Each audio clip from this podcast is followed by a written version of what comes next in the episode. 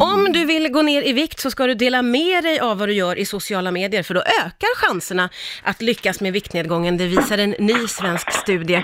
Med mig på telefon finns nu Ulf Ågerup som är forskare vid eh, Högskolan i Halmstad. Hur gick den här studien till Ulf? Eh, jo, den gick till så att eh, vi hade 400 deltagare som fick eh, gå igenom ett normalt viktminskningsprogram. Mm. Men 200 av dem eh, fick dessutom eh, lägga ut sin vikt varje vecka på Facebook så att deras, eh, deras egna Facebook-vänner kunde se hur det gick för dem. Ja, och, och, för dem gick det enklare att gå ner i vikt då? Ja, eller ja, enklare vet jag inte, men de gick i alla fall ner mer i vikt än vad, än, än vad den normala anonyma gruppen gjorde.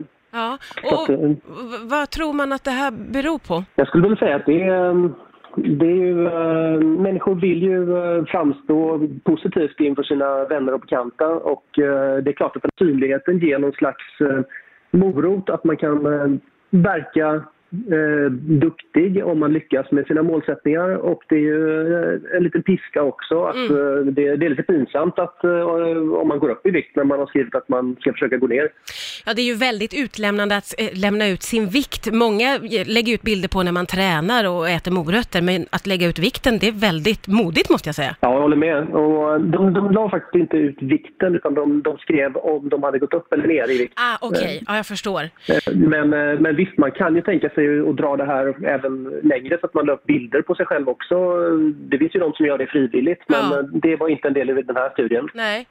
Eh, och det här låter ju som väldigt positivt då om man är någon som vill liksom av hälsoskäl gå ner i vikt. Men ser du att det finns några risker med det här? Ja, det gör det ju. Därför att vi ser, vi ser att det är väldigt olika hur olika människor svarar mot den här, eh, den här påverkan. Ja. Och eh, det är klart om man är väldigt eh, känslig för hur andra människor ser en, väldigt mån om framställa sig eh, positivt. Och så kanske man dessutom har um, riskbeteenden som ätstörningar eller liknande. Mm.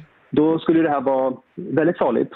Så att, uh, jag tror att det är viktigt att man, uh, att om det här skulle, nu är det bara en studie, men om det skulle komma ut som en, uh, som en viktminskningslösning på marknaden, mm. då tror jag att man skulle få ha ganska strikt kontroll på, på de människorna som ska delta. Ja. Eh, otroligt intressant i alla fall, måste jag säga. Och det säger också en del om vår samtid, tycker jag. Jättespännande att du var med. Tusen tack, Ulf Ågerup, som är forskare på Högskolan i Halmstad. Tack snälla. Ja, tack själv.